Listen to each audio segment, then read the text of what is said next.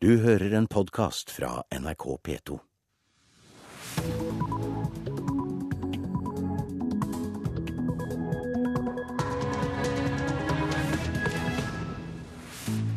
Riktig god morgen. Klokken er 6.30. Velkommen til å starte uken med oss her i Nyhetsmorgen. I studio Turi Grønbekk, og i dag bl.a. med en advarsel fra forskere om at nordmenn sitter så mye stille at vi blir syke. Mye sitting kan gi større helseplager enn røyking, ifølge undersøkelser. Problemer med Dreamliner-flyene har kostet Norwegian 100 millioner kroner på tre måneder. Og sju personer står tiltalt i norgeshistoriens største dopingsak. Det er snakk om å forsyne tusenvis av personer med narkotika gjennom mange år, og saken den starter i dag. Alt dette blir det mer om her i Nyhetsmorgen. Men eh, først til at eh, nordmenn sitter så mye stille at vi blir syke. Og det bekymrer forskere. Nå vil staten lage nye retningslinjer for sittevanene våre, fordi mye stillesitting kan gi større helseplager enn røyking. Jeg kan fort bli eh, slapp og sliten av det. Og det gjør at man blir litt for lat. Trikkefører Modassir Jafri kjenner konsekvensene av jobben hvis han ikke tar pauser innimellom. Jobben består av mye sitting, som for veldig mange andre. I gjennomsnitt sitter vi nordmenn i ro minst 60% av tida vi er våken. Det kan være farlig. For mye sitting kan føre til diabetes og høyt blodtrykk, og øke risikoen for kreft og depresjon, sier amerikanske James Levin, som har forska på sitting i en årrekke. Nå undersøker et ekspertutvalg norsk folkehelse for staten. Sigurd Andersen i utvalget Si bedre helse krever at norske rumper løftes fra stolen. Det må det legges til rette for, sier Andersen. Myndighetene har et eh, ansvar eh, i forhold til det å legge til rette for at det er lettere å være fysisk aktiv i hverdagen. Det, det, det, kan være på veldig mange eh, ulike arenaer. Det kan være i forhold til eh, hvordan skolehverdagen er, eh, er bygd opp. Det kan være i forhold til hvor lett det er å ta beina fatt istedenfor å måtte kjøre til og fra arbeid, f.eks. Svetten pipler fram over svulmende blodårer. På treningssenteret løftes det hundrevis av kilo hver dag, og føtter tilbakelegger mil etter mil på tredemølla. Men trening alene gir ikke best helseeffekt. Gange og moderat aktivitet er minst like viktig, forteller Andersen. Regelmessig fysisk aktivitet kan ha like stor effekt på ulike helseutfall som det å slutte å røyke. Det er ikke bare myndighetene som må jobbe for å løfte nordmenn på beina. Mest av alt kan vi gjøre noe selv, sier ekspertene. Jafri sørger alltid for å røre på beina i pausen. Hver gang vi har regulering, så står jeg opp, egentlig. Så du prøver å få bevege deg litt i løpet av dagen likevel? Ja, det er man nødt til å gjøre. Reporter, det var Marit Gjelland. Eli Gunhild Byen, du er forbundsleder i Norges Sykepleierforbund. For fem år siden så kastet du kontorstolen ut, og nå har du altså jobbet stående i fem år. Hvorfor det? Det var fordi at jeg fikk en eh, nakkeskade. Ble helt stiv i nakken eh, og hadde behov for eh, tilrettelegging. Da valgte jeg å få tilrettelegging i form av ståpult og en ståstol som jeg kan støtte meg på. Eh, så jeg er helt avhengig av å bevege kroppen min eh, når jeg står med pulten. Det handler selvfølgelig om at man også sitter i mye møter, og derfor er det også da veldig bekvemt å stå og bevege kroppen sin når en først eh, har mulighet til det. Ja, hvordan merker du forskjell på å sitte og livet som stående?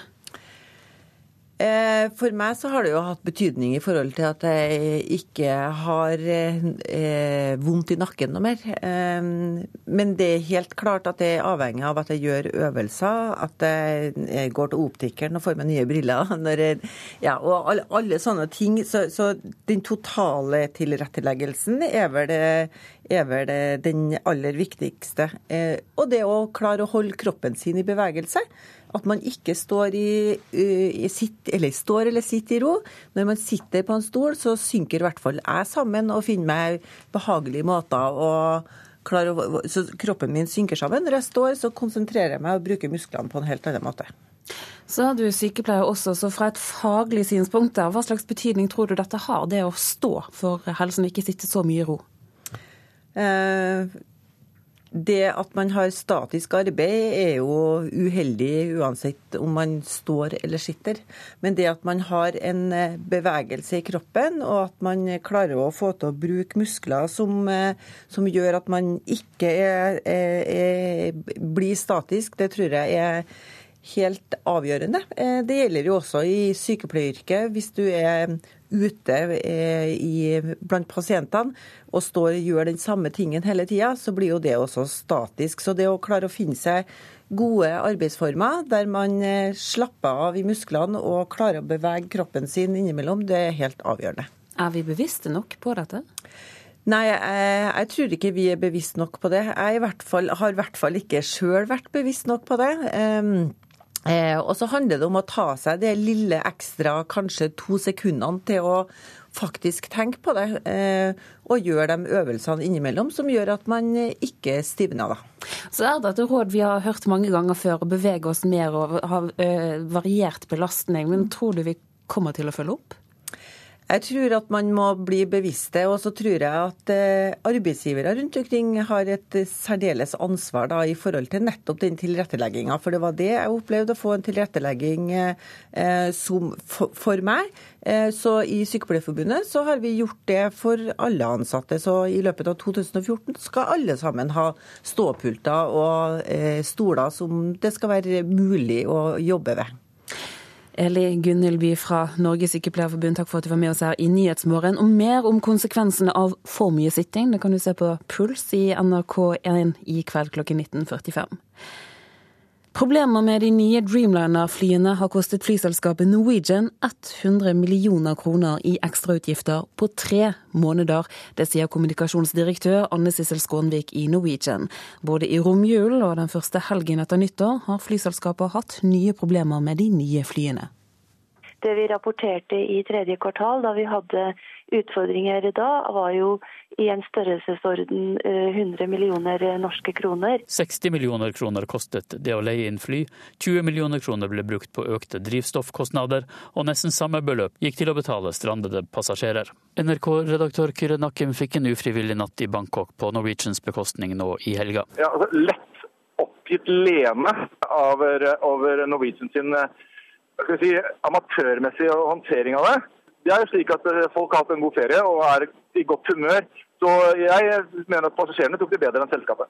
Reaksjonene har variert fra raseri til oppgitt skuldertrekning fra passasjerer som har vært utsatt for Norwegians mange problemer på langdistanserutene. Når så vidt mange blir sittende og vente på et fly som har teknisk, så skjønner vi at det ikke blir tatt godt imot. Nå håper Skånvik problemene skal være over snart, etter nok en helg med ekstra innsats for å få passasjerene hjem. Altså, vi håper jo selvfølgelig å være eh, på sporet igjen ganske raskt. Det vi har sagt også er jo at vi blir i en mindre sårbar situasjon. Nå får vi jo fire nye fly eh, nå i år.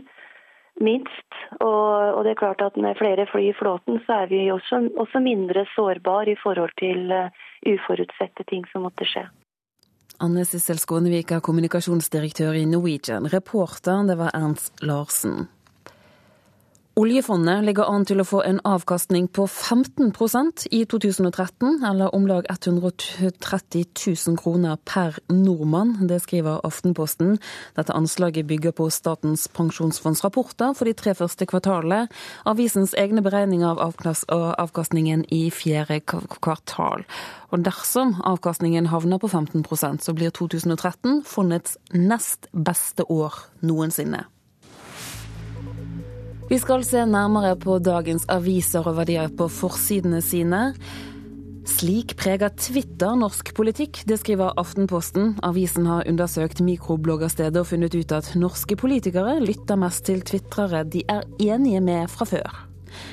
Nasjonen skriver at nesten halvparten av nordmenn forventer et brudd i jordbruksforhandlingene i år, mens Dagbladet ser inn i 2014 og spår hvilke politiske saker som blir de tøffeste stridene i år. Nato blir tvunget til å gjøre endringer. USA blir mindre involvert, og organisasjonen skal spare penger ved mer samarbeid. Det skriver Dagsavisen på sin forside. Vårt Land slår opp en ny type forsamling, som, som lovsynger og som har misjonsturneer, men som ikke er religiøs. Sunday Assembly. Dette startet i Storbritannia. De tar det beste fra menighetslivet, men de tror altså ikke på Gud, skriver avisen. Det italienske oljeselskapet Eni ligger i voldgiftsrettssak mot Statoil. Toppsjefen i selskapet har vært i Norge og kommer med kraftig kritikk av Statoil. Mener det, gjør den verste gassleverandøren. Det skriver Dagens Næringsliv på sin forside. I VG i dag forteller håndballtrener Carl Erik Bøhn om sin kamp mot kreft. Det står også på forsiden av VG. Bergens Tidende slår opp at det er store forskjeller på om skole innvilger fri og permisjon til barn eller ikke. På tre av 17 skoler som avisen har undersøkt, så har rektor avslått nesten samtlige søknader. Men på én av skolene får nesten alle ja til permisjon.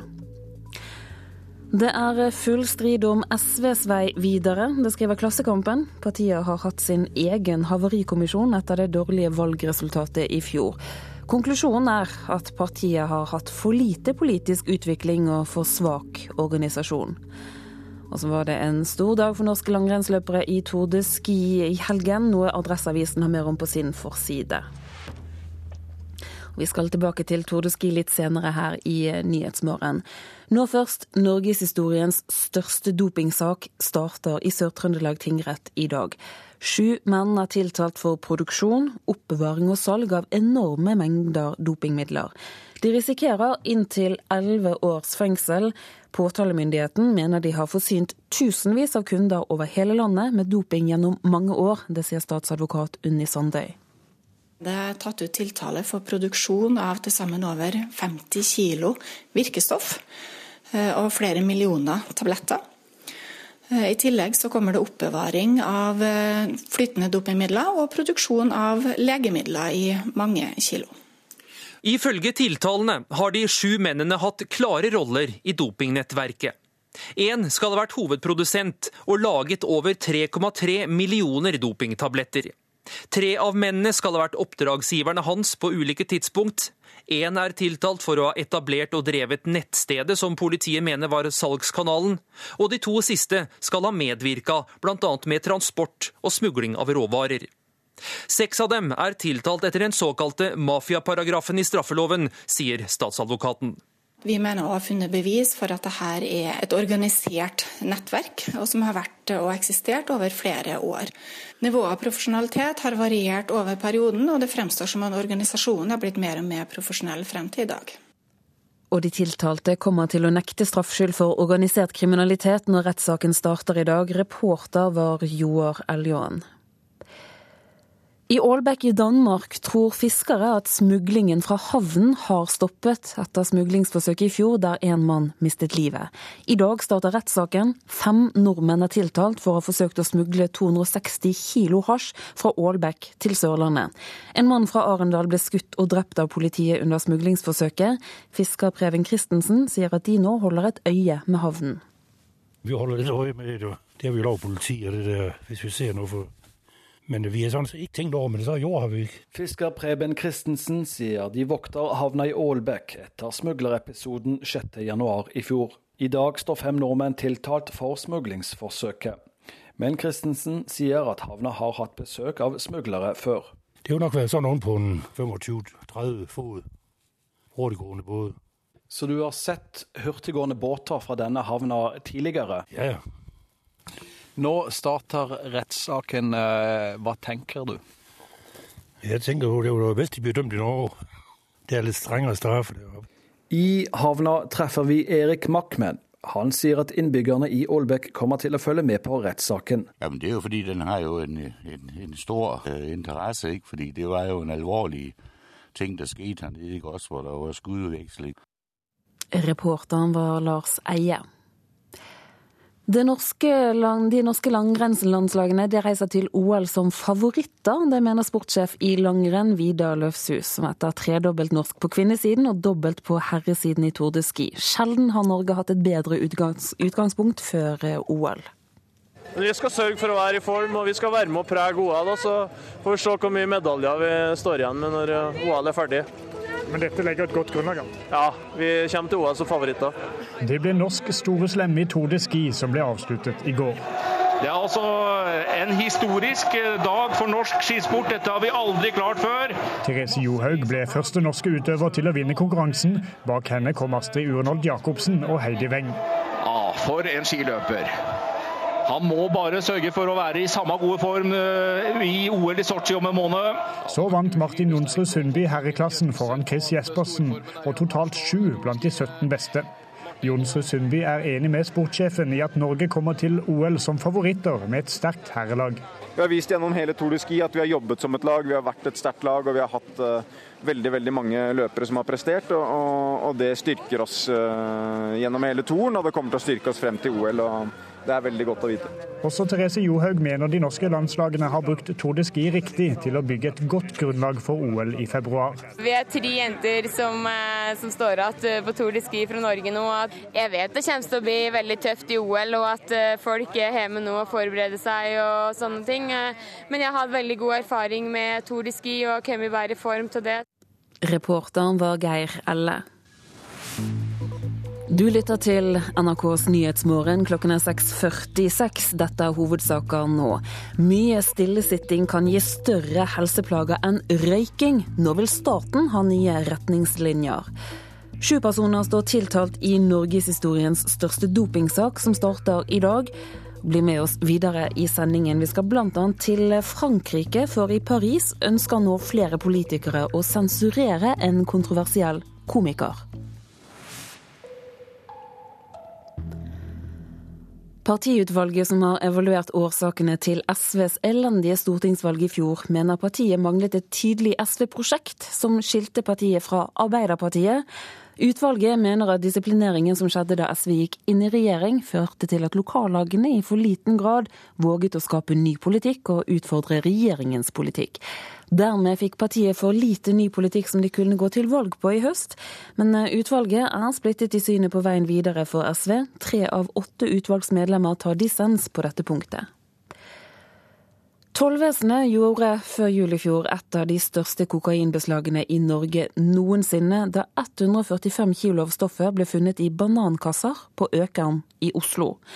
Dette ene beslaget er like stort som tollvesenet har beslaglagt de tre foregående årene til sammen. Det sier toll- og avgiftsdirektør Bjørn Røse til Dagbladet.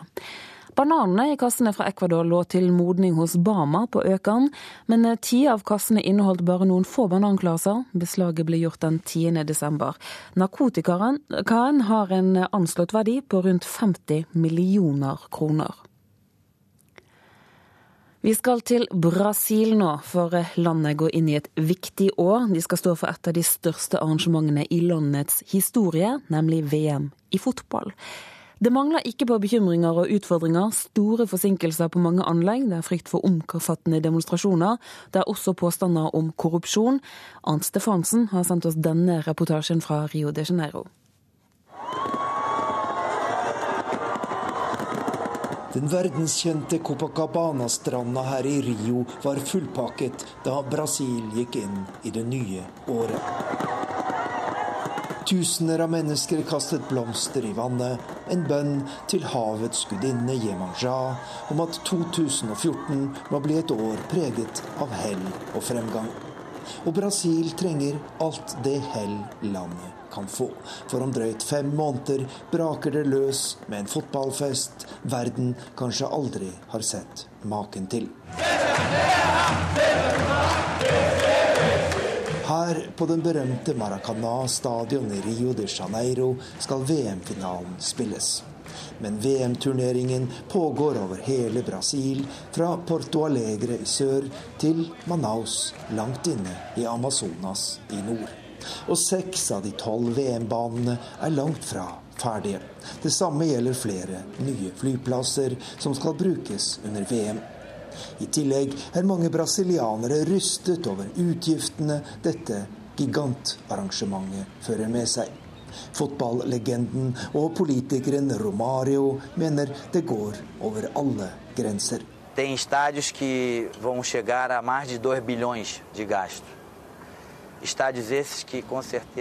Det er stadionanlegg som vil koste mer enn to milliarder reais, over fem milliarder kroner. Og noen av dem er det ikke bruk for etter VM. Vi snakker om steder der slike anlegg er altfor store i forhold til det normale behovet. Det samme gjelder flyplasser. Det er en absurd pengebruk, og jeg forstår godt at tre av fire brasilianere tror at det pågår omfattende korrupsjon under forberedelsene til VM, sier fotballegenden. Brasil har vunnet fotball-VM fem ganger, og en storhet som Gahincha huskes fortsatt for sine bedrifter under VM i Chile i 1962. Men fotballens supermakt har aldri vunnet et VM på hjemmebane. Og kravet fra 200 millioner brasilianere om at det må skje nå i 2014, er massivt.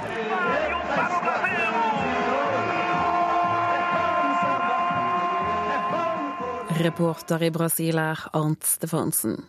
Vi skal hjem igjen, for norske museer er for dårlige til å ta vare på lyd. Dermed kan en viktig del av kulturarven vår gå tapt. Det mener Norsk museumsnettverk for musikk og musikkinstrument. På Rockheim er de nå i gang med lyddokumentasjon for første gang. Ja, skal jeg ta fram gitaren, så du får se? Inne i magasinet eller på lageret til Rockheim ligger to gitarer som er tatt godt vare på. Har vi lagt en del silkepapir over dette for å beskytte for eh, støv? Musikkbibliotekaren Bjørnar Brukket og konservator Vigdis Skjelmo holder opp en Fender Stratocaster Sonic Blue fra 63 og Gibson Les Paul fra 79. To ikoniske gitarer som er en del av Rockheims nye lyddokumentasjonsprosjekt. Så hadde vi lyst til å høre alle mulige nyanser i gitaren eller gitarene. Både for å sammenligne mellom gitarene og høre hvor mange forskjellige lyder én gitar er i stand til å produsere. I 2013 gjennomførte Nasjonalt museumsnettverk for musikk og musikkinstrument en kartlegging av norske museers bruk og forvaltning av lyd. 77 ulike museer over hele Norge var med. Konklusjon det er på tide at lyd behandles som en viktig del av vår kulturarv, og at norske museer ikke er flinke nok. Derfor skal ikke Det nasjonale museet for populærmusikk bare ta vare på gjenstandene, men nå også, for første gang, dokumentere lyd. Fender Stratocaster, ganske tørr lyd.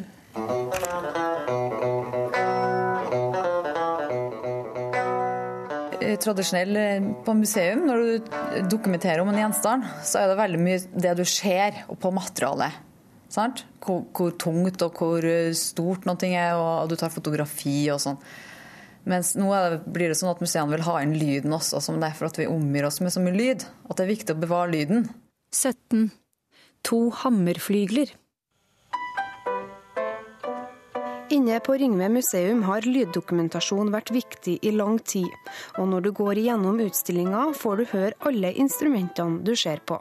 Vi har, vi har et ansvar for å bygge opp et, eh, et slags minne og der blir, eh, i tillegg til eh, gjenstander som er det materielle minnet, så er lyden eh, et slags musikalsk minne. Det sier konservator Mats Krotén og leder for museumsnettverket. Ja, Norske museer må absolutt bli flinkere. Et lokmotiv, en båtmotor, har også en, som en obligatorisk så burde det være, finnes en uh, ulike typer av lyd. Uh, kontekstuelle, såkalt vitenskapelige, rene lyder etc. Reporteren det var Kaja Kristin Næss. I Paris ønsker flere politikere å sensurere en eh, kontroversiell komiker, Dieudonné. Komikeren har flere ganger laget skandale med kontroversielle sketsjer, spøker ofte med homofile og med jøder. I et radiointervju i helgen gikk borgermesteren i Paris til angrep på komikeren, og vil nå forby showene hans. Il ne s'agit pas de toucher à la liberté d'expression. Je me bats avec la même détermination. Ett förbud mot Dieudonné handlar inte om att stoppa uttrycksfriheten, röt Paris borgmästare Bertrand Delanoë igår. Utan det handlar om att slåss mot rasism. Delanoë stödjer därmed inrikesminister Valls som nu undersöker hur man ska kunna stoppa den omstridde komikern. Dieudonné är en svart komiker, känd sedan nästan 20 år Ofta skämtar och driver han med judar eller homosexuella. Att det nu stormar kring Dieudonné beror på att han innan jul skämtade om en känd programledare på statlig radio, Patrick Cohen, som är av judisk börd. Komikern sa i sin sketch att när jag hör Patrick Cohen tala säger jag bara till mig själv att gaskamrarna, så synd. Mellan raderna, vad menas då med detta? Jo, svarar Nicolas Gigant på högertidningen Le Point. Dieudonné menar att om det vore möjligt att sända Cohen till gaskamrarna vore det bra. Vissa kanske tycker det är ett roligt skämt, men detta är ett sätt att uppmana till våld och det är förbjudet enligt lag, säger Guégan. Dieudonné har en egen teater i Paris, La Mandeur, nära Bastiljen. När jag nyligen träffade Dieudonné frågade jag honom varför han så gärna vill skämta om judar. Han svarar att man i praktiken bör kunna skämta om precis allt, men... Qui se, qui se croit en fait au-dessus des lois et au-dessus de la justice. Mäktiga organisationer och politiker tillkallar censur och förbjuder till exempel skämt om judar. Just det motsätter jag mig, sa Dieudonné till mig. I sin film Antisemiten vill Dieudonné locka till skratt när han säger Judarna styr media, finansvärlden och politiken. Det finns inget annat val än att utrota dem. I filmen spelar Dieudonné en naziofficer och alkoholist som i slutet blir vän med judarna. Kan man verkligen skratta åt allt är frågan många ställer sig i debatten. Journalisten Nicolas Guégan menar att man med skrattet kan föda många fördomar som antisemitism. Åskådaren bör därför vara uppmärksam med någon som Dieudonné som är en farlig människa, tycker Guégan. Parce que pour moi, Dieudonné est quelqu'un de très dangereux. Og reporteren var Johan Tolgert. Høye laksepriser gjør at bransjen frykter oppsigelser og nedlegginger i foredlingsbransjen. De ansatte ved Seafood Farmers på Giske i Møre og Romsdal ble permittert før jul. Norsk Sjømat på Stranda har sendt ut varsel til sine ansatte. Daglig leder Svein Reppe i bransjeforeningen sier situasjonen er dramatisk. Situasjonen er jo eh, alvorlig nok, den. Når du taper penger på hvert kilo oppdrettsfisk du skjærer i, så klart at det kan du ikke holde på med i i all framtid, i hvert fall. Frykter du flere permitteringer og, og nedlegginger i bransjen? I første omgang frykter jeg permitteringer, og i neste omgang så frykter jeg også avvikling av, av toppfordelingsindustrier. Flere i bransjen sier at det aldri har vært så dramatisk som akkurat nå. Ved Seafood Farmers på Giske er flere permitterte. Norsk Sjømat på Stranda har sendt ut permitteringsvarsel til sine 200 ansatte, og andre frykter at de må gjøre det samme. Jonny Remø ved Brødrene Remø i Sula sier at dersom det ikke skjer noe drastisk, må de permittere alle ansatte i løpet av kort tid. Han sier han aldri har opplevd maken, og at lakseprisen har stiget fra 26 til 56 kroner på vel to måneder. Det sa reporter Synnøve Hole. Vi skal ta med oss et værvarsel vi det gjelder frem til midnatt. Fjellet i Sør-Norge får sørlig sterk kuling i høyfjellet. Noe minkende utover dagen først i langfjellet, og det blir snø av og til. Østlandet, Telemark, liten kuling på kysten. Midt på dagen kortvarig stiv kuling. Etter hvert regn og snø i indre og høyere strøk. Agder sørøstlig stiv kuling på kysten. Det blir regn og lokalt mye nedbør. Fra i ettermiddag sørvestlig opp i liten kuling, regnbyger og snø i høyere strøk. Rogaland, Hordaland sørøst liten storm utsatte steder. Regn. Sørlig stiv kuling i ettermiddag. Det blir stiv kuling nord for Karmøy. Enkelte regnbyger og utrygt for torden og snø i fjellet. Sogn og Fjordane sørøst sterk kuling utsatte steder. Det blir dreiende sørlig i ettermiddag. Etter hvert blir det regn, senere regnbyger og snø i fjellet. Møre og Romsdal og Trøndelag sørøst liten kuling utsatte steder. Stiv og til dels sterk kuling på Søre Sunnmøre fra i ettermiddag. Det gjelder også nord for Trondheimsfjorden. Det blir minkende i kveld. Oppholdsvær fra i ettermiddag regn fra sør og snø i høyden. Nordland økning til sørøstlig sterk kuling utsatte steder. I Lofoten og Vesterålen der blir det frisk bris. Senere liten kuling. Det blir skyet oppholdsvær. Fra i ettermiddag regn eller sludd på Helgeland og snø i grensetraktene. Troms og Finnmark fra i ettermiddag øst liten kuling på kysten. Stiv kuling utsatte steder i vest. Det blir snøbyger øst for Nordkapp, ellers oppholdsvær. Og Nordensjøland på Spitsbergen liten kuling utsatte steder og delvis skyet oppholdsvær. Temperaturer målt klokken fire i natt viser minus 14 grader på Svalbard, null grader i Kirkenes, pluss to grader i Vardø, minus fem i Alta, minus fem var det også i Tromsø. Pluss fem grader i Bodø, pluss ni grader i Brønnøysund, Trondheim sju grader, det var det også i Molde. Bergen seks, Stavanger seks, Kristiansand fem, Gardermoen én grad, Lillehammer to, null i Røros og Oslo-Blindern tre grader. Svenskekongen er invitert, men kommer ikke til Norge for å feire grunnlovsjubileet. Norske historikere er skuffet. Bedre lønn til flinke lærere, mener NHO. Her er NRK Dagsnytt klokka sju. Det svenske kongehuset kommer ikke til Norge for å feire grunnlovsjubileet 17. mai i år, etter det NRK kjenner til. Både det svenske og danske kongehuset har blitt invitert til Eidsvoll på nasjonaldagen, og mens dronning Margrethe og prins Henrik kommer til Norge for å kaste glans, har kong Carl Gustav og dronning Silvia andre planer. Vi er jo veldig glad og begeistret for at dronning Margrethe kommer til jubileumsarrangementet. Sier prosjektleder for grunnlovsjubileet Dag Kristoffersen. Men ifølge NRKs opplysninger vil det svenske kongeparet holde seg hjemme. Kristoffersen vil ikke bekrefte det. Nei, vi har ingen kommentarer til våre gjestelister. Jeg kan ikke skjønne hvorfor de ikke skulle komme. Sier professor i historie Ole Kristian Grimnes. Han mener kong Carl Gustav og dronning Silvia bør være til stede på det som er en stor begivenhet i den norske nasjons historie. De burde være med og glede seg sammen med nordmennene over denne begivenheten. Det svenske kongehuset vil ikke kommentere saken. Reportere Kristine Svendsen og Kristine Næss Larsen.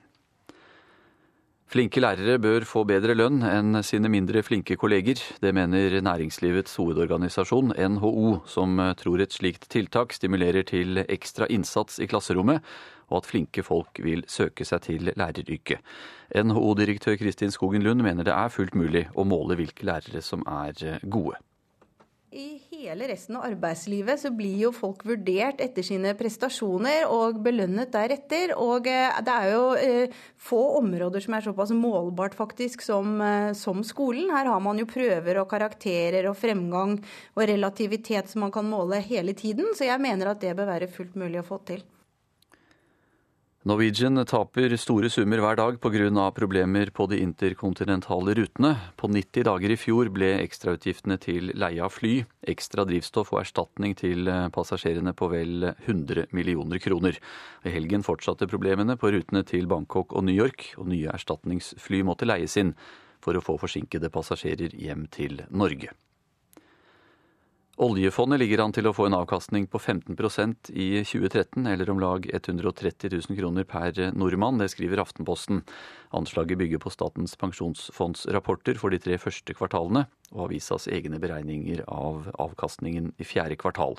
Dersom avkastningen havner på 15 blir 2013 fondets nest beste år noensinne.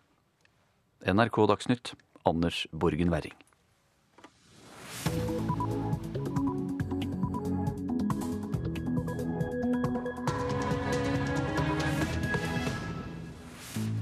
Nyhetsmorgen fortsetter i NRK P2 og Alltid nyheter. Vi stiller bl.a. spørsmål om det er en god idé å lønne lærere etter hvor flinke de er.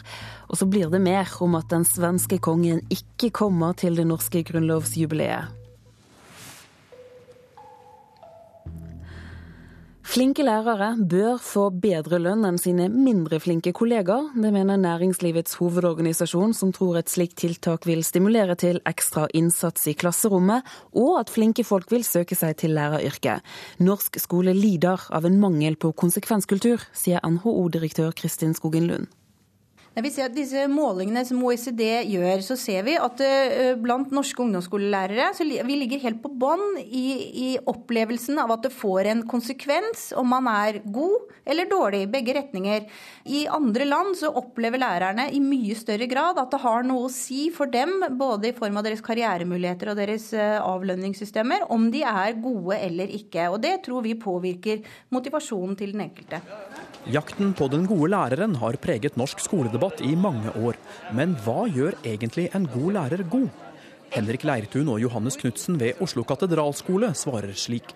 Læreren må engasjere elevene, og at du får en gnist til å jobbe med faget. Da. Det er veldig positivt hvis læreren selv liker faget og gir inntrykk av det, så blir det ofte mye bedre for alle med en gang. Eh, og kanskje hvis læreren byr litt på seg selv, eller gjør, måte, gjør det litt personlig, for da er det enklere å relatere det til på eh, praktiske eksempler, f.eks. Men kan man egentlig måle lærernes prestasjoner på en måte som rettferdiggjør forskjell i lønn, slik NHO ønsker? Ja, mener professor Torberg Falk ved Institutt for samfunnsøkonomi ved NTNU i Trondheim. Han har forsket mye på kvalitet i utdanning, og tror prestasjonslønn vil stimulere til ekstra innsats i klasserommene. Det er jo vanskelig alltid for utenforstående å se hvor mye hver enkelt arbeidstaker bidrar med i en eh, virksomhet. Eh, men eh, ledere har jo typisk ganske god oppfatning og god erfaring og mye kunnskap om det. Så jeg ser ikke at det er annerledes for rektorer i skolen enn det er for ledere i andre virksomheter. Men professor Bård Kuvås ved Institutt for ledelse og organisasjon på BI i Oslo er skeptisk. Han mener prestasjonslønn ofte skaper mer støy enn motivasjon. I hovedsak så er det fordi de ansatte med ganske god grunn i mange sammenhenger opplever at det vil være en trynefaktor. At nærmeste leder, i dette tilfellet skoleleder, eh, ikke har informasjon nok at eh, lederens grad av om man liker disse personene eller ikke, eh, er med på å avgjøre selve prestasjonsvurderingen. Leder i Utdanningsforbundet, Ragnhild Lid, er enig med Kuvås, og mener dessuten at undervisningskonkurranse blant lærerne vil gjøre det lønnsomt for de flinkeste å ikke avsløre sine beste triks. Den vil fjerne et initiativ til godt samarbeid i et kollege, til kunnskapsdeling til at kollegaer kan være med til å utvikle hverandre. Til å hjelpe eh, lærere som sliter mer. Eh, det er jo det som skal til for å utvikle en god skole for alle elever. Reportere her var Halva Norum og Line Tomter. Solveig Hvitstendal, du er forbundsleder i Skolelederforbundet. Hva synes du om dette forslaget om å gi de flinkeste lærerne bedre lønn? Vi mener nok at dyktige lærere må eh, tjene på å få være dyktige. Men vi ser også at det er en utfordring å definere dyktighet i skolen, og at vi i dag ikke har noe godt system for lærervurdering. Hvilke muligheter har rektorene til, til å vurdere dette? Eh, det er en forutsetning for å lykkes med et eh, lærervurderingssystem at rektor har inngående kunnskap om hva som skjer i skolen, og den enkelte medarbeiders bidrag i, eh, i forhold til læringsarbeidet i den hele skolen. Klarer de det slik de jobber i dag? Vi ser at det er en utfordring, og mye forskning viser også at norske skoleledere har en, en stor administrativ arbeidsbyrde som gjør at tiden til det pedagogiske lederskapet, altså til å følge opp læringsarbeidet, ikke er nok. Det er ikke nok tid til det. Så hvis rektorene skal være enda tettere på, hvordan skal de klare det? Nei, det er klart at, ha, at Skolelederen må ha et, en interesse og et engasjement og bruke sin tid på å følge opp medarbeiderne. Og i hvert fall være på jakt etter nøkkelpersonene som, og få identifisert dem, slik at man kan, kan nytte dem i utvikling av både den enkelte elev og av skolen som helhet. Og det krever tid. Og det krever kompetanse.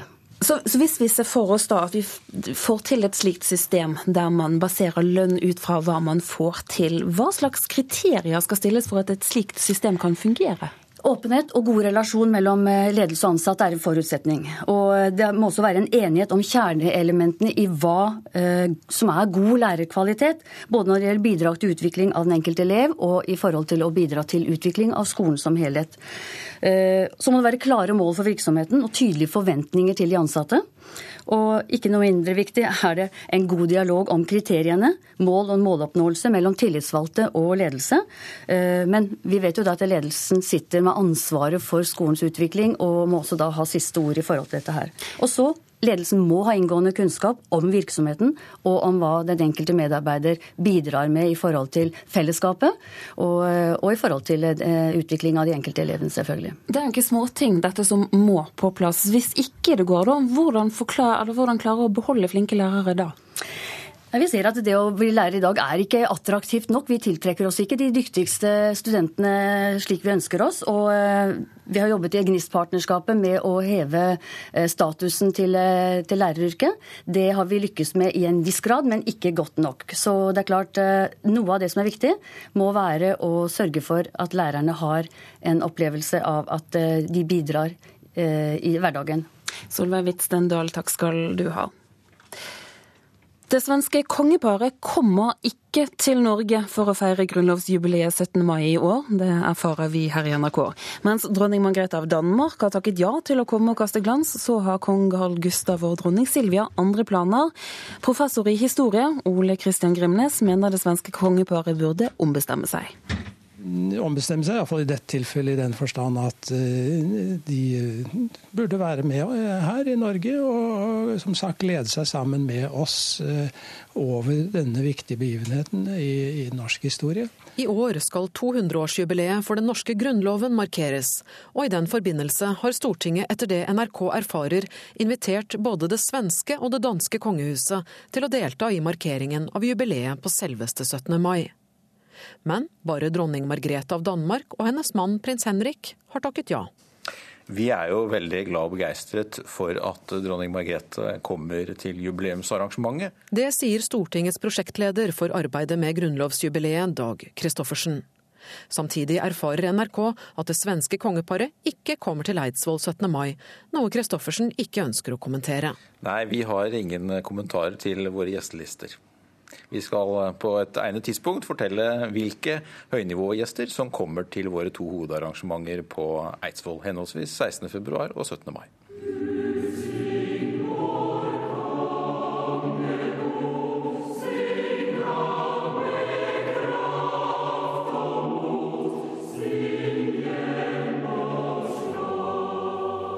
For 200 år siden samlet en gruppe menn seg på Eidsvoll for å lage loven som skulle bli grunnlaget til det selvstendige Norge.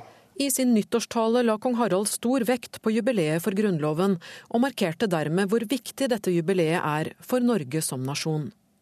Nettopp av den grunn burde den svenske kongen og dronningen ha takket ja til å delta i feiringen, mener professor i historie Ole Christian Grimnes. Jeg kan ikke skjønne hvorfor de ikke skulle komme. Man får kanskje en liten følelse av en, en, en litt ubevisst kanskje, men svensk motvilje, eller en Bernadotte-motvilje mot denne norske feiringen. Eh, som jo svenskene generelt jo ofte irriterer seg litt over. Det vil si de både misunner vår 17. mai-feiring, og de syns liksom det er litt mye av det gode. Det svenske slottet vil ikke kommentere saken. Reportere var Kristine Svendsen og Kristine Næss Larsen. Kjell Pilstrøm, du er vår tidligere Norden-korrespondent. Hvordan tolker du dette svenske avslaget? Nei, Det er litt uh, overraskende, eh, ikke minst på bakgrunn av uh, 2005 og 100-årsjubileet for unionsoppløsningen. Da gjestet det norske kongeparet Stockholm, og det svenske kongeparet gjestet Oslo. Og Da var bildet sånn. og Jeg kan ikke si at denne situasjonen er spesielt annerledes, så vi skal vel ikke trekke de historiske linjene altfor mye inn her. Karl Johan var Norges stamfar til Karl Gustav, var Norges hovedmotstander i 1814. Eh, det var en krig, men å trekke inn det som en bakgrunn her, tror jeg er for langt. Kanskje det er mer naturlig at svenskene kommer med i den norske feiringen på høsten, da unionen i, altså 4. november, da unionen med Sverige faktisk ble inngått. Men, men dette jubileet det blir jo feiret i Danmark, men ikke i Sverige? Ja, I Sverige er det så å si ikke interesse for 1814 eh, og år 1814. De er opptatt av 1809, da Sverige tapte Finland til Russland. Unionstiden og uh, ja, hele denne perioden er veldig lite omskrevet. Overraskende lite omskrevet i, Sveriges, uh, i svensk historieskrivning og i den svenske kollektive hukommelsen. Danskene derimot skal nå ta igjen det tapte. De har lenge, lenge fortrengte de tap av Norge i 1814. Nå er det en veldig offensiv, og Folketinget har bestemt seg for å markere dette Eh, jubileet. Og det er eh, Danske forskere, historikere, leverer veldig ny, nytt materiale om skilsmissen fra Norge. Så der skal de ta igjen det tapte. Men i Sverige er det mer dødt. Men hvis, hvis, det er dødt i Sverige, hvorfor er det så viktig å invitere kongeparet? Ja, dette Fra hovedkomiteens side og stortingspresidenten så er det åpenbart viktig å markere dette som en felles skandinavisk historisk begivenhet. Dette var året 1814, angikk selvfølgelig ikke bare Norge, selv om vi kanskje har lett for å tro det. Dette var en eh, politisk situasjon som i høyeste grad angikk både Sverige, Norge og Danmark, det vet vi. Og det er naturlig å invitere eh, statsoverhodene for å gjøre dette til en markering av en felles skandinavisk historisk eh, hendelse. Dette avslaget, kan det henge noe gammelt nag igjen? Det har rent veldig mye vann i havet på 200 år. Det, er, det har vært begivenheter seinere som ja, hele unionen var en belastning på forholdet. Men også kanskje første del av annen verdenskrig var ikke noen glanstid i forholdet mellom Norge og Sverige. Men nå er dette borte. Nå er det to likeverdige land som står hverandre veldig nært. Kjell Pilstrøm, takk skal du ha. Klokken er straks 7.15. Du lytter til Nyhetsmorgen i NRK P2 og Alltid nyheter, og dette er hovedsakene nå. Det kan være en god idé å gi flinke lærere bedre lønn enn de mindre flinke, det sier skolelederforbundet. Som vi hører, svenskekongen kommer ikke til Norge for å feire grunnlovsjubileet. Norske historikere reagerer. Og bli med oss videre i sendingen. Vi skal straks høre med kommunalministeren hvor tøff han har tenkt å være for å få slått sammen norske kommuner. For oppfordringen er klar, regjeringen må bli tøffere dersom de vil få gjennom kommunereformen sin. Det sier forsker Kjetil Lie ved Telemarksforskning. Han tror ikke det holder å belønne de kommunene som vil slå seg sammen. Staten kan òg bruke en pisk ved å sørge for at særskilte tilskudd som en kommune i dag får, småkommunetilskudd, mister en kommune hvis kommunen ikke går inn i en sammenslåing. Regjeringa har bestemt at de skal gjennomføre en kommunereform. De kommunene som frivillig starter en prosess mot sammenslåing, loves penger og hjelp. Men Li, som har forska på kommunestruktur i 20 år, mener ris bak speilet er nødvendig. Jo, Det tror jeg ville vært et eh, effektivt virkemiddel, for da ville en kommune som Feie, som Masfjorden f.eks. i Nordhordland, mista fem millioner kroner på årsbasis ved ikke å gå inn i en sammenslåing. Det vil jo være et overgrep mot de små samfunnene. Jeg tror det vil gi veldig stor motstand i befolkningen hvis en eh, tyr til sånne grep. Det sier ordfører i Radøy kommune Jon Askeland. Han er også leder i Nordhordland regionråd, som sjøl har satt i gang en prosess for å se hvordan effekter en eventuell kommunesammenslåing vil ha for dem. Lille julaften fikk de rapporten fra Telemarksforskning som viser. Økonomisk sett så er det ikke lønnsomt å slå i sammen kommuner, gitt det inntektssystemet som staten har i dag. På den andre sida så sier han jo òg at eh, det er et eh, rasjonaliseringspotensial i kommunene. Og for det tredje, i motsatt retning, så peker han òg på demokratiutfordringer som ligger ved kommunesammenslåing. Klart det er en utfordring, men det er òg slik at eh, utfordringer er til for å løses.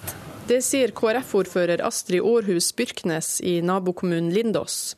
Hun mener de enkelte partiene må se på demokratiutfordringer. I en ny kommune, hvis det skulle bli eh, naturlig, så vil jo disse ulike partiene òg måtte spille en viktig rolle og ta et stort ansvar for å nettopp få sine partilister slik at det er representasjon fra hele den nye kommunen eller den regionen som da blir en kommune, eller hvor det blir. Men eh, Senterpartiordfører Askeland stiller spørsmål ved hele prosessen. Det er et stort dilemma med hele kommunestrukturdebatten. og det er at det er ikke noe rop fra folkedypet om å endre strukturene, men det blir pekt på en god del argument som går på at det er rasjonelt å endre strukturene. Og Der tror jeg at eh, regjering og storting har en jobb å gjøre. Og Kjetil Live Telemarksforskning, som har laga rapporten for kommunene i Nordhordland, har en klar utfordring til kommunalministeren. Sanner da bør vurdere å gjøre noe med overføringssystemet mot kommuner som ikke velger å slå seg sammen, og da spesielt mot små kommuner som har et småkommunetilskudd. Og Da syns jeg staten bør være såpass tøffe og si at det småkommunetilskuddet avvikles over kanskje en to-tre år, hvis kommunen ikke går inn i en sammenslåing. Reportere her, det var Eli Våge og Eva Marie Bullai. Så vi får høre med kommunalministeren da, Jan Tore Sanner. Kommer det til å være så tøff? Det er eh, skjevheter i dagens eh, inntektssystem, eh, bl.a. ved at mange vekstkommuner kommer dårlig ut. Eh, og Derfor så har vi varslet at vi vil ha en helhetlig gjennomgang av inntektssystemet. og Noe av det kommer vi tilbake til allerede til våren. Men det er viktig å huske på at kommunereformen det er ikke en sparereform. Det er en reform som skal sikre innbyggerne gode tjenester i tiårene som kommer. Sett i lys av de store utfordringene Kommune-Norge står overfor. Og det er en reform som skal bidra til å styrke lokaldemokratiet. Men, men det, det å fjerne tilskudd, hvordan tror du det kan påvirke mindre kommuner? Ja, Det er vanskelig å, å, si. Det er nok slik at uh, den forrige regjeringen sørget for at de minste kommunene kom veldig godt, uh, godt ut. Uh, men jeg syns det er galt å starte debatten i den enden. fordi at kommunereformen det handler jo om hvilke oppgaver kommunene skal ha, og hvordan de skal løse dem. Det er nå 50 år siden vi gjennomførte en kommunereform sist. Siden den gang har det skjedd store samfunnsmessige endringer. Kommunene har fått langt flere oppgaver. og nå må vi se 10-20-30 år fremover i tid. Vi vet at det blir flere flere eldre. Vi vet at innbyggerne kommer til å stille tøffere krav til tjenestene. Vi vet at flere vil ha behov for samfunnets hjelp. Og Da er det spørsmål om hvordan vi skal løse de oppgavene.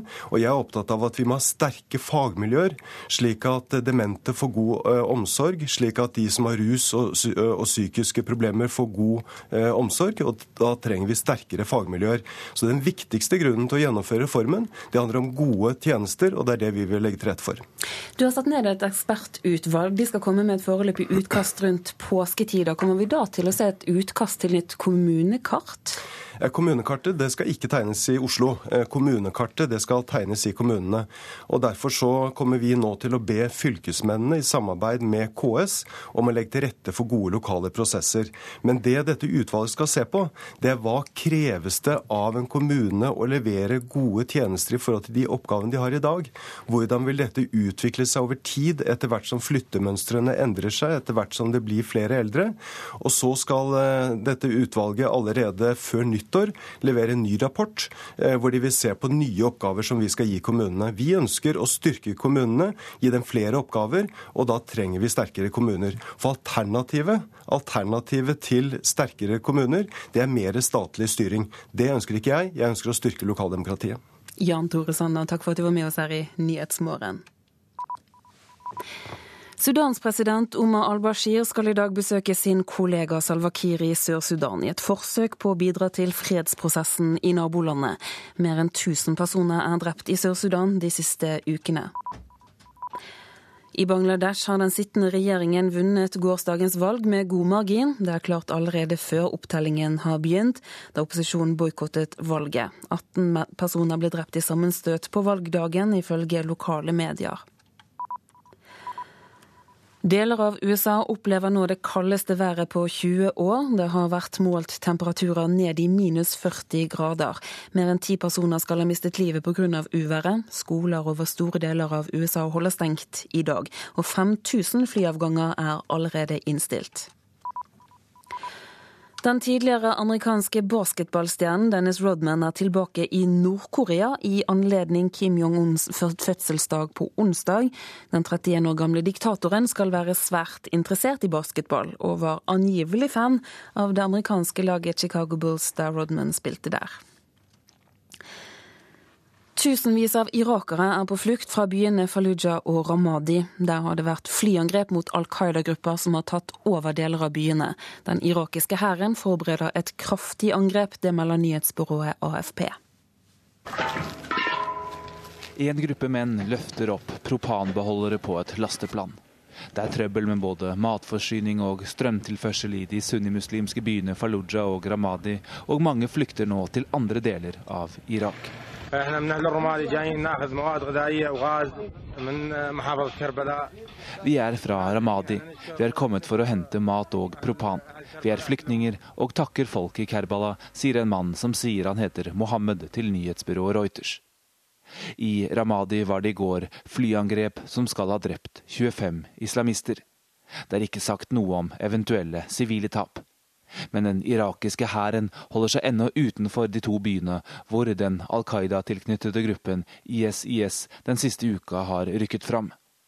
Det er forsøk på forhandlinger, og at lokale stammer skal stå for krigføringen, for ikke å øke konflikten i landet ytterligere. Spørsmålet er hvor lenge den irakiske hæren vil holde igjen. Til nyhetsbyrået AFP sier en anonym offiser at de forbereder en storoffensiv. Gjøres det, vil den irakiske hæren følge i fotsporene til den amerikanske okkupasjonshæren som i 2004 gjennomførte sine største angrepsoperasjoner nettopp i Fallujah. Hvordan havnet Irak her? Spol tilbake tre kvart år til en liten leilighet i Bagdad.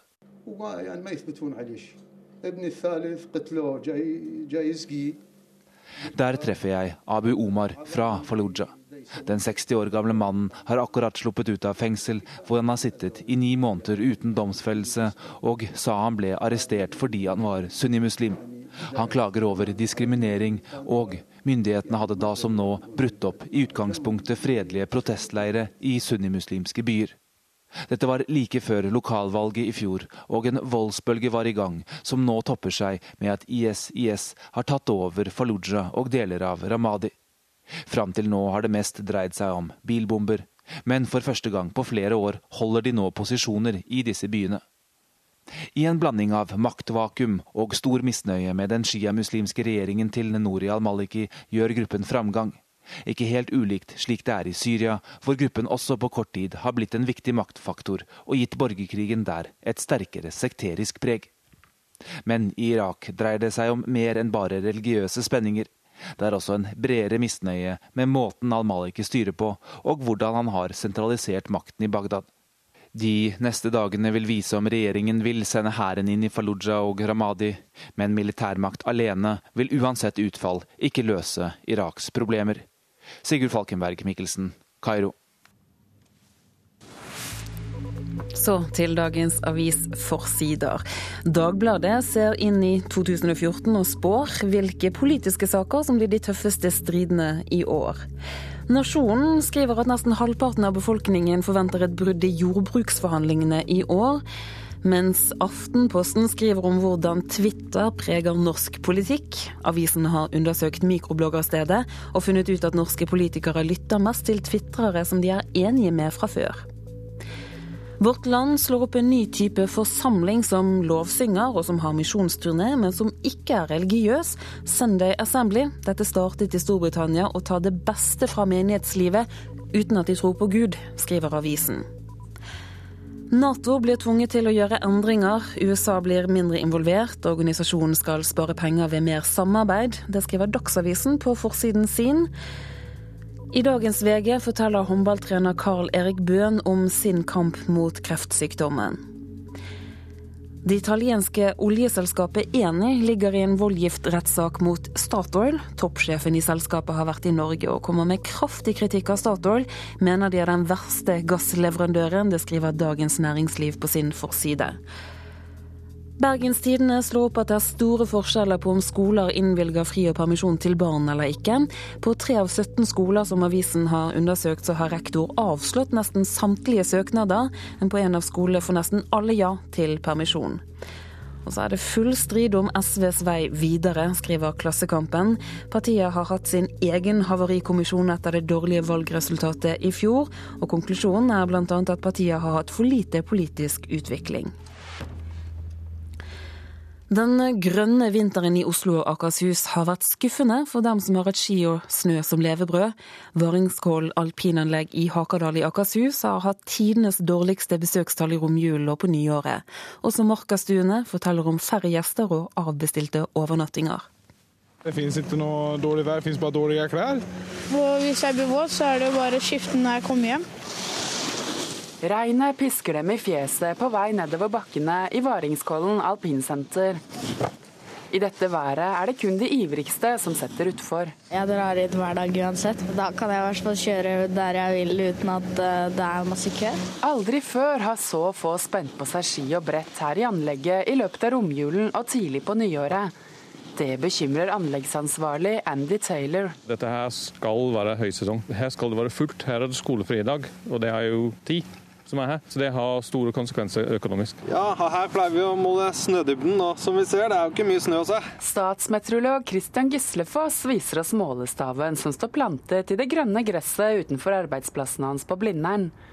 Og ja, han kan skrive under på at dette så langt er en spesiell vinter. For østlandsområdet så er dette den tredje varmeste desember og starten av januar vi noensinne har hatt. Han har fortsatt tro på at det blir skikkelig vinter også i år. Og for de som lever av snø og ski, er det gode nyheter i gjære. Temperaturene er ventet å synke mot slutten av denne uken. Nå er jo året så vidt begynt, så at det blir vinter, det satser vi jo på. Og Nå ser prognosene ut til at det kan bli en endring i den fastlåste værsituasjonen vi har nå. Også hos skihyttene i Marka har besøket sviktet, og mange har avbestilt overnattinger pga. mangel på skiløyper. Brøytemaskinene til den ferske løypebasen på Kikkut, Andreas Henriksen, har vært låst inne siden det første snøfallet før jul. Det er litt uh, skuffende, men uh, sånn er det. Nå krysser han fingrene for at været blir som det er varslet, slik at han og brøytemaskinen kan gjøre marka til det langrennsparadiset mange drømmer om på denne tiden av året. Da har jeg veldig, veldig, veldig lyst. Jeg er klar som et egg. Reporter her, det var Ingvild Baltersen Sund. Du lytter til Nyhetsmorgen i NRK P2 og Alltid nyheter. Vi skal straks ha Dagsnytt her med Anders Borgen Werring. Etter Dagsnytt skal vi til Kina, der et av de viktigste politiske spørsmålene i år blir de uavklarte grensene til havs. Produsent for Nyhetsmorgen i dag, det er Ingvild Ryssdal. Her i studio, Turi Grønbekk.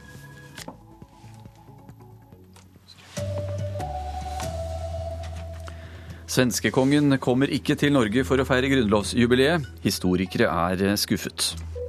De flinkeste lærerne må få høyere lønn, mener NHO. Og vi sitter oss syke.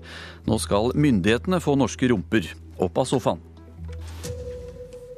Her er NRK Dagsnytt klokka 7.30.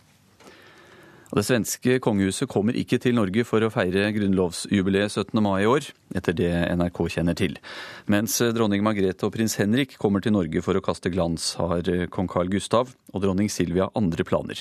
De bør kjenne sin besøkelsestid, mener flere historikere.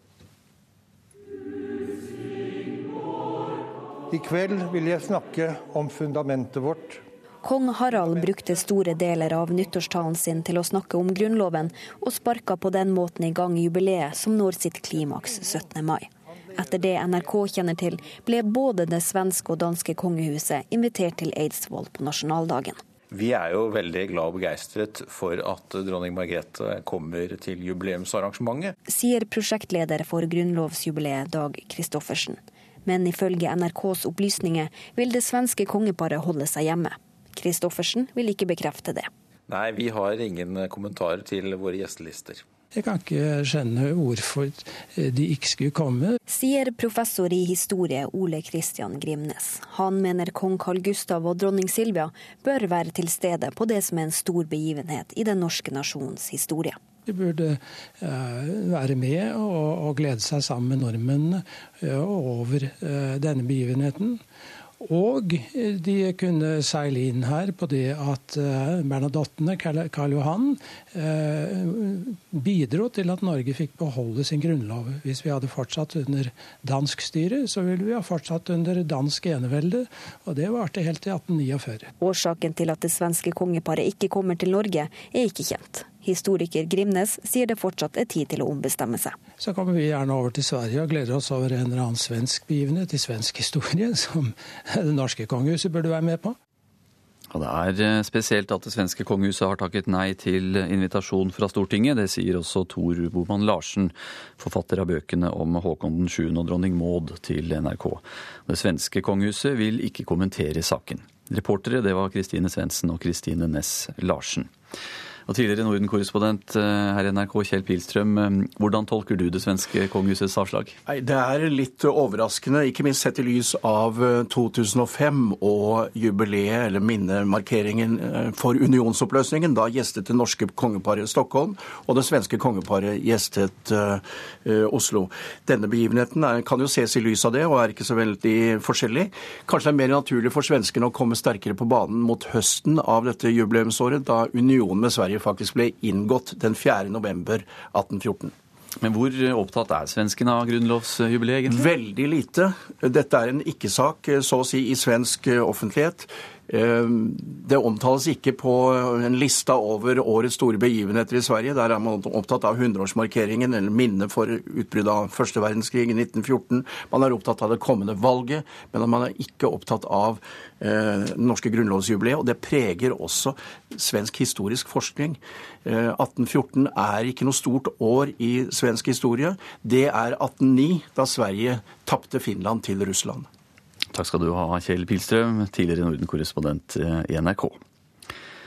Flinke lærere bør få bedre lønn. Det mener næringslivets hovedorganisasjon, som tror et slikt tiltak vil stimulere til ekstra innsats i klasserommet, og at flinke folk vil søke seg til læreryrket. Men hva gjør egentlig en god lærer god?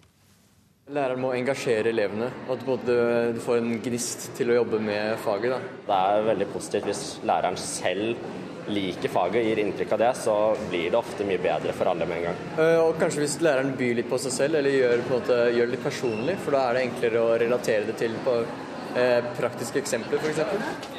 Slik beskriver Henrik Leiretun og Johannes Knutsen ved Oslo katedralskole den gode læreren. Men hvordan skal norsk skole få enda flere gode lærere? NHO-direktør Kristin Skogen Lund mener en del av svaret er å gi de flinke lærerne bedre lønn enn sine ikke fullt så flinke kolleger. Det er jo bred enighet om at læreren er viktigst for en god utdanning. Og så er det likevel vanskelig å få gode nok søkere til lærerutdanningen. Vi har ikke klart å gjøre det yrket attraktivt nok for, det, for de unge. Og vi tror at eh, med en type prestasjonslønn og bedre karrieremuligheter, så vil vi gjøre læreryrket mer attraktivt. Men Utdanningsforbundet er svært skeptisk til et slikt system. Leder i forbundet, Ragnhild Lid, mener konkurranse blant lærerne vil gjøre det lønnsomt å holde gode undervisningsideer for seg selv. Den vil fjerne et initiativ til godt samarbeid i et kollege, til kunnskapsdeling, til at kollegaer kan være med til, til å utvikle hverandre. Til å hjelpe lærere som sliter mer. Eh, det er jo det som skal til for å utvikle en god skole for alle elever. Reportere Halvard Norum og Line Tomter. Og om de flinkeste lærere skal få bedre lønn enn de andre, så må rektorene tettere på undervisningen. Det mener forbundsleder i Skolelederforbundet, Solveig Hvitsten Dahl. Hun sier forslaget krever flere endringer. Skolelederen må ha et, en interesse og et engasjement og bruke sin tid på å følge opp medarbeiderne. Og det krever tid. Norske skoleledere har en, en stor administrativ eh, arbeidsbyrde som gjør at eh, det er ikke nok tid til det. Og det må også være en enighet om kjerneelementene i hva eh, som er god lærerkvalitet. Partiutvalget som har evaluert årsakene til SVs elendige stortingsvalg i fjor, mener partiet manglet et tydelig SV-prosjekt som skilte partiet fra Arbeiderpartiet. Utvalget mener at lokallagene ikke var flinke nok til å tenke nytt, og at de burde ha utfordret regjeringens politikk mer. Når det gjelder veien videre for SV, så er utvalget splittet. Vi sitter oss syke, Forskere mener at å sitte mye kan være farligere enn å røyke, og at det kan føre til eh, diabetes, lavt blodtrykk og økt risiko for kreft og depresjon. Nå lager staten nye retningslinjer for eh, sittingen din. Jeg kan fort bli eh, slapp og sliten av det. Og det gjør at man blir litt for lat. Trikkefører Modassir Jafri kjenner konsekvensene av jobben hvis han ikke tar pauser innimellom. Jobben består av mye sitting, som for veldig mange andre. I gjennomsnitt sitter vi nordmenn i ro minst 60% av tida vi er våken. Nå undersøker et ekspertutvalg norsk folkehelse for staten. Sigurd Andersen i utvalget Si bedre helse krever at norske rumper løftes fra stolen. Det må det legges til rette for, sier Andersen. Myndighetene har et eh, ansvar eh, i forhold til det å legge til rette for at det er lettere å være fysisk aktiv i hverdagen. Det er likevel ikke bare myndighetene som må jobbe for å få nordmenn på beina. Mest av alt kan vi gjøre noe selv. Jafri sørger alltid for å røre på beina i pausen. Hver gang vi har regulering, så står jeg opp, egentlig. Så du prøver å få bevege deg litt i løpet av dagen likevel? Ja, det er man nødt til å gjøre. Reporter Marit Gjelland, og du kan høre mer om konsekvensene av for mye sitting i Puls i kveld klokka 19.45 på NRK1. Norwegians problemer med Dreamliner-flyene til USA og Bangkok fortsatte i helgen. Passasjerer måtte hentes hjem med innleid fly fra begge byene. Kommunikasjonsdirektør Anne Sissel Skånevik i Norwegian skjønner at mange nå sier at de helst reiser med andre selskaper. Ja, på kort sikt så kan det kanskje det, men det får vi jo se da i, i framtida. Det som var vårt fokus nå, er jo at vi får eh, flyene til å gå som de skal, og at eh, vi får mange fornøyde passasjerer om bord igjen. Klart at Når eh, så vidt mange blir sittende og vente på et fly som har teknisk, så skjønner vi at det ikke blir tatt godt imot.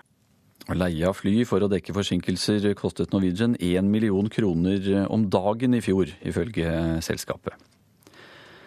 Petter Northug er eh, sliten etter Tour de Ski. Nå er planen å bli enda mer sliten. I løpet av en to ukers periode skal han trene seg tom for krefter, for så å bygge opp toppformen i tide til OL i Sotsji. Nå handler det om å få igjen overskuddet etter en eh, tour der du kjører kroppen, eh, kjører kroppen ganske langt ned. Så må man ned på pluss igjen, så får man prøve å få en bra treningsperiode igjen før man reiser på pre-camp og, og begynner å tenke overskudd fram mot uh, OL. Nå venter en tøff og hard treningsperiode. En uh, tøff tidagers. For Northug, som slet med sykdom i begynnelsen av sesongen, kan gulloppskriften for OL være kombinasjonen av konkurransene han nettopp har avsluttet i Tour de Ski, og det planlagte treningsopplegget. Ja, altså Man vet jo at man får et løft eh, av konkurranser. Det er ikke noe som er bedre trening enn det. Reporter her, det var Geir eh, Elle. Det er Anne Skårseth som har ansvaret for Dagsnytt eh, denne morgenen. Beate Haugtrø er teknisk ansvarlig. Jeg heter eh, Anders Borgen Werring.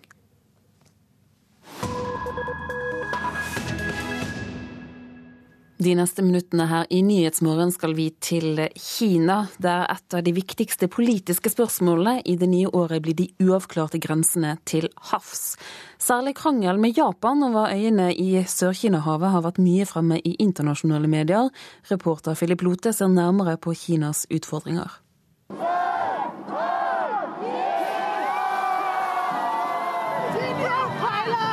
Kinien Kwaila, godt nytt år på standard mandarin. Unge kinesere tok imot det nye året på den kinesiske mur i festhatter pyntet med blinkende lykter og 2014 i store lilla og røde tall. For det første ønsker jeg mine foreldre god helse, og at hver dag i det nye året blir en god dag for mine venner. Godt nytt år, roper en ung kinesisk kvinne. Vi kan alle få uventede oppdrag, og for talsmannen i kinesisk UD startet året med ett av disse. Qin Gang måtte 1.1 kommentere at en ballongfarer hadde flydd inn og landet like ved øyene i Øst-Kina-havet, som både Kina og Japan gjør krav på. Kinesiske myndigheter valgte å kalle mannen en luftballongentusiast.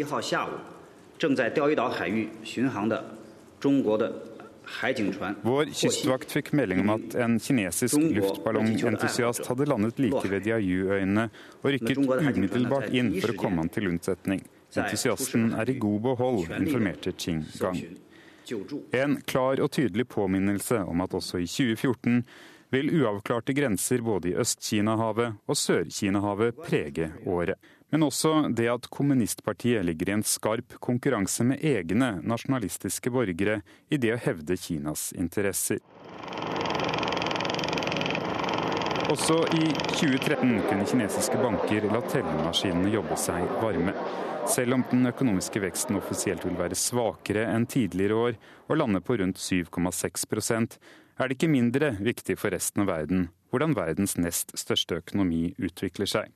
Et av de store spørsmålene er om president Xi Jinping vil klare å dreie utviklingen slik at hjemmemarkedet blir viktigere i en økonomi hvis vekst til nå har vært eksportdrevet. Et annet spørsmål er om boligmarkedet er så overopphetet at det sprekker, sånn at kinesiske banker får seg en litt kraftigere smell enn de strengt tatt er rustet for. Økonomi i Kina henger mye sammen med befolkningssammensetning, og på årets siste møte i den kinesiske folkekongressen lempet myndighetene så mye på ettbarnspolitikken at den på mange måter er opphevet. Nå kan ektepar, hvor minst det ene av ektefellene er alenebarn, få to barn. Og kanskje er det nødvendig å sette litt fart på reproduksjonen. Og som handelshøyskoleforeleseren Timothy Burgeon skriver i sin bok 'Kina den famlende kjempen', så fins det ingen lettvinte løsninger på dette problemet om Kina skal klatre i næringskjeden. So, Tim, by the year 2030, China will have more people over the age 65 than the entire population of the United States. Surely this will have a dramatic impact on the country. It's one of the four demographic challenges that China faces. The other one, of course, is that the workforce is getting smaller, and so the cost base is rising, and China has to move from being a cheap manufacturer to being a more high tech society, which it's not achieving. Og så til slutt mannen ved roret. Kinas nye leder, formann i kommunistpartiet og president Xi Jinping. Han virker viljesterk og til stede. Han overskygger til en viss grad sin statsminister Li Keqiang. I alt fra kampanjer mot korrupsjon til møter med vanlige borgere virker han interessert i å gjøre mer av arbeidet på bakken, arbeid som hans forgjengere i den interne arbeidsdelingen overlot til sin statsminister.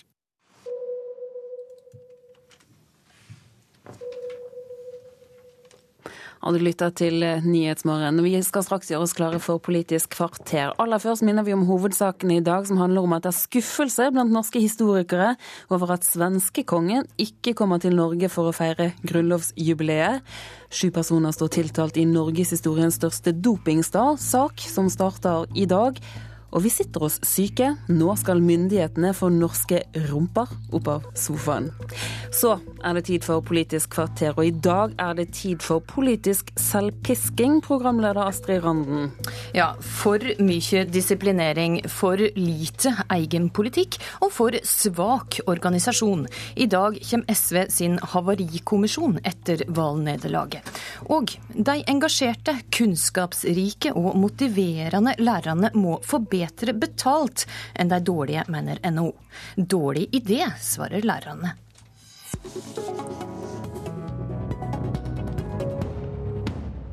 Vel møtt til Politisk kvarter, og vi begynner med det NHO-direktør Kristin Skogen Lund. Hvorfor mener du det er riktig å gi gode lærere bedre betalt enn de dårlige? Det er fordi vi vet at eh, vi er avhengig av å ha en veldig god skole i Norge. Og så vet vi at læreren er den enkeltfaktoren som i størst grad påvirker kvaliteten på undervisningen. Det er veldig viktig å ha dyktige lærere. Det er viktig å gjøre det yrket attraktivt. Og så ser vi at eh, vi, Norge er det landet som ligger helt i bånn når det gjelder opplevd konsekvenskultur i skolen. 6% av lærerne føler at det har noe å si om de leverer god kvalitet og ikke. Konsekvenskultur, hva betyr det? Nei, Det betyr rett og slett at det må, en, det må, det må bety noe om du, om du, er god eller ei. Det må lønne seg å være god. Sånn er det jo i stort sett alle andre deler av arbeidslivet. Og vi ser at det også er sånn i skolevesenet i de landene vi liker å sammenligne oss med. Og da mener vi at vi må få til det også her i Norge, for vi tror at det vil være motiverende å stimulere og motivere fler til å velge yrket og til å stå på når de først er i yrket. Hvem er det som skal bestemme om en lærer er god og fortjener fortjener bedre lønn, eller om en er dårlig og ikke gjør det? Det må jo være skoleledelsen, og skoleledelse er også en veldig viktig faktor og, og, og ting her.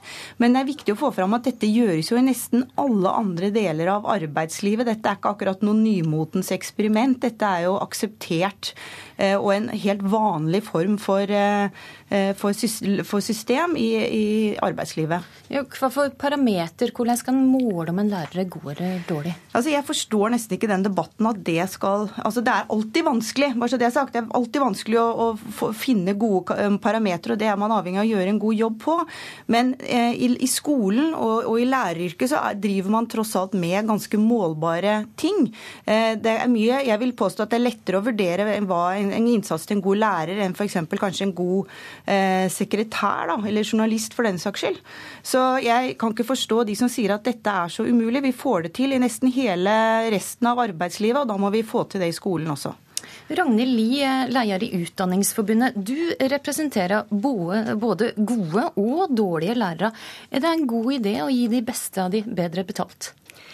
Uh, dette her syns jeg ikke er en god idé. Dette her høres ut til å være et opplegg som favoriserer noen få, framfor å gjøre noe med lønnsnivået til lærerne i dette landet. Er det få gode lærere? Det er ikke få gode lærere, men det høres ikke ut som om NHO er tenkt å gjøre noe med selve lønnsramma. Vi har aldri opplevd noe drahjelp derifra under lønnsoppgjørene. Så dette her vil være å gi noe til få eh, på bekostning av eh, mange andre. Men hva slags uheldige konsekvenser mener du en slik gullen til til det beste kommer til å få? Eh, dette her vet vi ikke skaper noen god kultur i skolen. Dette her har vært prøvd. det lærere har opplevd at dette har vært et system som har vært brukt i lokale lønnsforhandlinger. Heldigvis er det ikke like mye av det. Vi er opptatt av å bygge en fellesskapskultur i skolen, eh, og dette bidrar ikke til det. Men det har vært prøvd. Hva er erfaringene med de plassene det har vært prøvd, da? De plassene der dette her har vært en lokal lønnspolitikk, der vet vi det har gått utover arbeidsmiljøet. Skal vi ha en god lønnspolitikk, så må den ha legitimitet i lærergruppene. Det er på den måten en kan få eh, lønn som bidrar til rekruttering av unge, motiverte og dyktige inn i læreryrket. Og det er det eh, dette landet trenger nå. Dårligere arbeidsmiljø, Kristin Skogen Lund, er det det du vil ha i lærerrommet? Det, det, det syns jeg nesten blir en fallitterklæring. Altså, hvorfor skal ikke læreryrket klare det, når hele resten av arbeidslivet klarer det og er tuftet på de prinsippene? Og så har jeg lyst til å få frem at Vi snakker jo ikke bare om lønn her. Jeg tror vel så viktig er at vi finner gode karriereveier for lærerne. I dag er det dessverre sånn at hvis du skal gjøre karriere som lærer, så ender den karrieren ofte rett ut av klasserommet og inn i, inn i en eller annen form for administrasjon. Vi må også gjøre det mye mer attraktivt å kunne ha en fagkarriere innen eh, læreryrket. Så jeg, jeg kjøper rett og slett ikke disse argumentene. Jo, men det er et helt annet element, og da skal vi være eh, mer på linje. Eh, vi diskuterer lønnssystemet KS, som er vår forhandlingsmotpart. Vi har også nå i flere år diskutert faglige karriereveier for lærere. Eh, det mener vi er viktig. Det vil også bidra til å motivere dyktig ungdom inn i læreryrket. Ja, Det er det vel relativt brei politisk semje om. Men tar NHO feil når de sier at i dag for små følger lønnsmessig om en lærer gjør en god eller dårlig jobb? Det som er realiteten, og som NHO viser til, det er internasjonale undersøkelser der det går fram at i Norge har en hatt en for dårlig tilbakemeldingskultur i skolen. Det gjelder egentlig på alle nivå. Men en skal ikke gi tilbakemeldinger til lærere gjennom lønn. Det skal skje gjennom medarbeidersamtaler, eh, utviklingssamtaler. Det er på den måten en utvikler skolen på en god måte. Prestasjonslønn er jo noe som blir brukt i stor grad i det private, men veldig liten grad i det offentlige. Ønsker du dette i hele det offentlige Norge? Altså, Prestasjonslønn, det jeg snakker om, er at det skal lønne seg i den forstand at jeg mener at en god lærer burde få en høyere lønnsøkning enn en som ikke er det. Eh, så det er jo det jeg primært snakker om her. Og vi har jo den type lønnssystem i veldig store deler av offentlig sektor også, så jeg forstår ikke egentlig at eh, det heller er et hinder her. Har du med deg de blå-blå partier på dette? Eh, dette er ikke noe vi har diskutert med dem på noe vis. Eh, vi fremmer dette som ett av fire forslag og tiltak som vi legger frem nå i forbindelse med at vi har vår årskonferanse Læringslivet på onsdag, som handler nettopp om livslang læring og kunnskap. Og vi opplever at dette med kvalitet på lærere det er et så viktig element at vi har valgt å løfte frem dette som et av de fire satsingsområdene. Men, men, alle som jobber i skolen, vet at det er nesten umulig å identifisere eh, hva slags lærere som påvirker ulike elevresultat. Læreryrket er komplekst, og det blir blitt stadig mer komplekst. Så det som er utfordringa, det er at skal, skal en ha et lønnssystem som gir legitimitet, så må det være forutsigbart. En må vite hva en legger vekt på.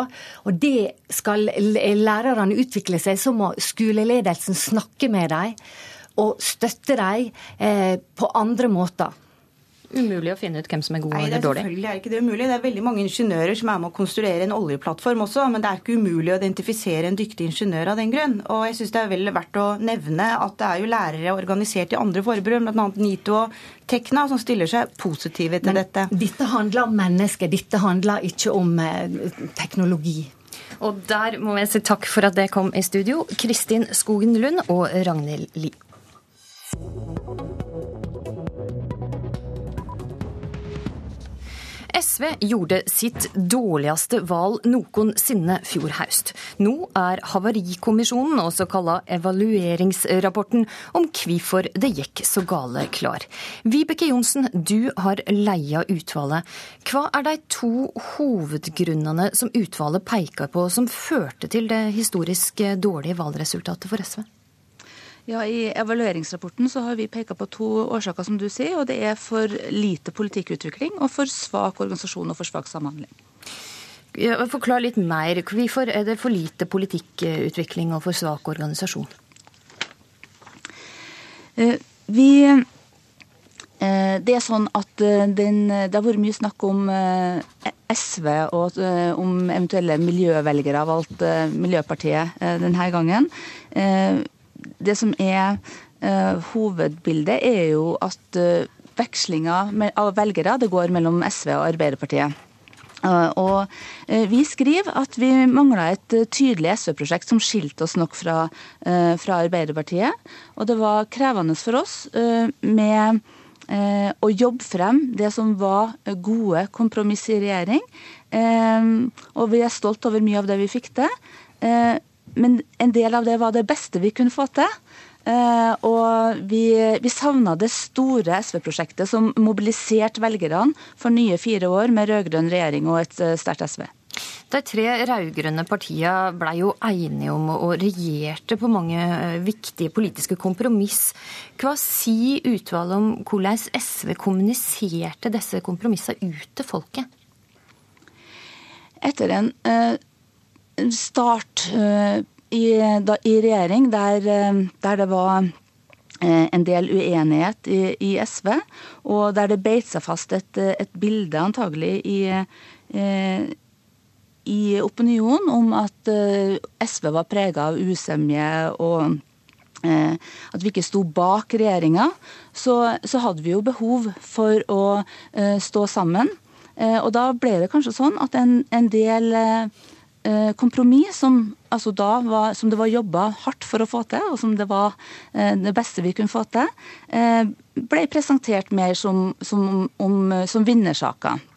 Og da ble det litt for stor avstand mellom det som var vår primærpolitikk og det vi fikk til, uten at det var tydelig nok for folk at det var kompromissene og ikke primærstandpunktene som, som Eh, var mest fram i offentligheten.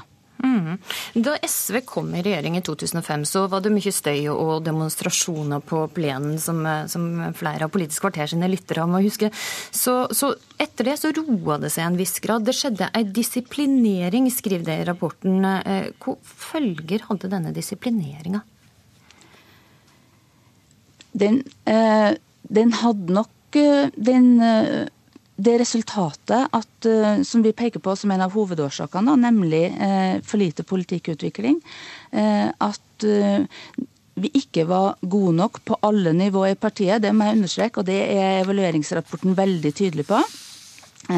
Til å bringe frem de, de nye utfordringene og de nye sakene som, som kunne begeistre og engasjere velgerne. Mm. Silje Skei Tveitdal, partisekretær i SV, hva syns du om dommen? Nei, Jeg syns det er mye interessant i denne analyse, det, det denne analysegruppa kommer med. Eh, det er jo mange som har omtalt det som en havarikommisjon. Vi ser vel heller på det som et nødvendig arbeid etter at vi gjorde et så dårlig valg at man også satte ned et utvalg som skulle komme med noen analyser og også noen anbefalinger på hvordan vi skal gå videre. Så, så denne tar jeg med meg til sentralstyremøtet seinere i dag, sammen med et forslag til en, et nytt fireårsarbeid for partiet. Og Mye av det de er inne på i denne analysegruppa er svært nyttig synes jeg, for, for det å finne og stake ut kursen videre for et større og sterkere SV. Men er du enig i at den disiplinerte partiet for hardt i eh, begynnelsen av første regjeringsperiode, og det førte til mindre politikkutvikling og mindre SV, gode SV-tanker? Vi har jo også hatt prosesser med bl.a. la vi fram før forrige valg et helt nytt arbeidsprogram hvor det er mye bra, bra SV-politikk. Men kanskje i starten av perioden eh, kan hende at det også var nødvendig. Eh, så kan man jo diskutere kanskje også hvor hard den disiplineringa var. Eh, mitt inntrykk som har vært med denne perioden, er jo også at det var ganske stor, og det, det viser undersøkelser også, at SV-velgere og, og, medlemmer har jo også vært veldig fornøyd med de resultatene SV har oppnådd i regjering. Enten du snakker om Lofoten eller full barnehagedekning. Det vi ikke er fornøyd med, og som også er årsaken til at man har satt ned et sånt analysearbeid, er jo at vi til tross for at vi har fått relativt stort gjennomslag, ikke har klart å kanskje verken kommunisere det tydelig nok ut, eller i hvert fall ikke lykkes da, med å få en stor nok oppslutning blant velgere, som jo er en absolutt nødvendighet dersom vi skal få økt innflytelse og, og gjennomslag for mer SV-politikk framover. Så Mitt fokus nå er eh, på hva vi skal gjøre videre for å gjenreise partiet. og Mye av det som står i denne analysegruppa er vi også allerede i gang med. Jeg diskuterte med med medlemmene, både når det gjelder å utvikle partiorganisasjonen og sette i gang spennende prosesser for å tror jeg, kanskje først og fremst finne svarene på de store utfordringene i vår tid på en sånn måte at, eh, at velgerne skjønner oss. Altså Hvordan skal vi løse klimautfordringen? Hvordan skal vi finne veien ut av oljealderen? Vibeke Johnsen, hvor mye av skylda for det dårlige valgresultatet må partileierne og de to nestleierne ta? Nei, Det er jo en av de tingene vi er helt enige om, og var enige om eh, veldig tidlig i, eh, i den gruppa som har evaluert valget. At det, det her skyldes ikke enkeltpersoner. Det skyldes ikke primært gjennomføringa av årets valgkamp heller. Det er en utvikling over tid som alle nivå i partiet må være med å ta ansvar for. Eh, jeg som lokallagsleder i Sogndal, eh, Audun Lysbakken som partileder, eh, vi har en jobb å gjøre sammen. En utvikler ikke et parti som SV alene. Det er et kollektivt prosjekt som krever god dialog mellom de ulike nivåene i partiet. Mm, en jobb å gjøre sammen, altså. Mm, og Det blir jo også en av mine hovedoppgaver som partisekretær framover. Nettopp å lage de arenaene, de spennende politiske verkstedene. Og det er mye av det vi skal diskutere på sentralstyremøtet når vi møtes i ettermiddag. Ja. Takk for at det kom til studio, Silje Skei Tveital, partisekretær i SV, og Vibeke Johnsen, som har leia evalueringsutvalget. Da var Politisk kvarter slutt. Du hører oss hver vekedag til samme tid i samme kanal. Har du kommentarer eller tips til sendinga, send en e-post til politikk at nrk. Du har hørt en podkast fra NRK P2.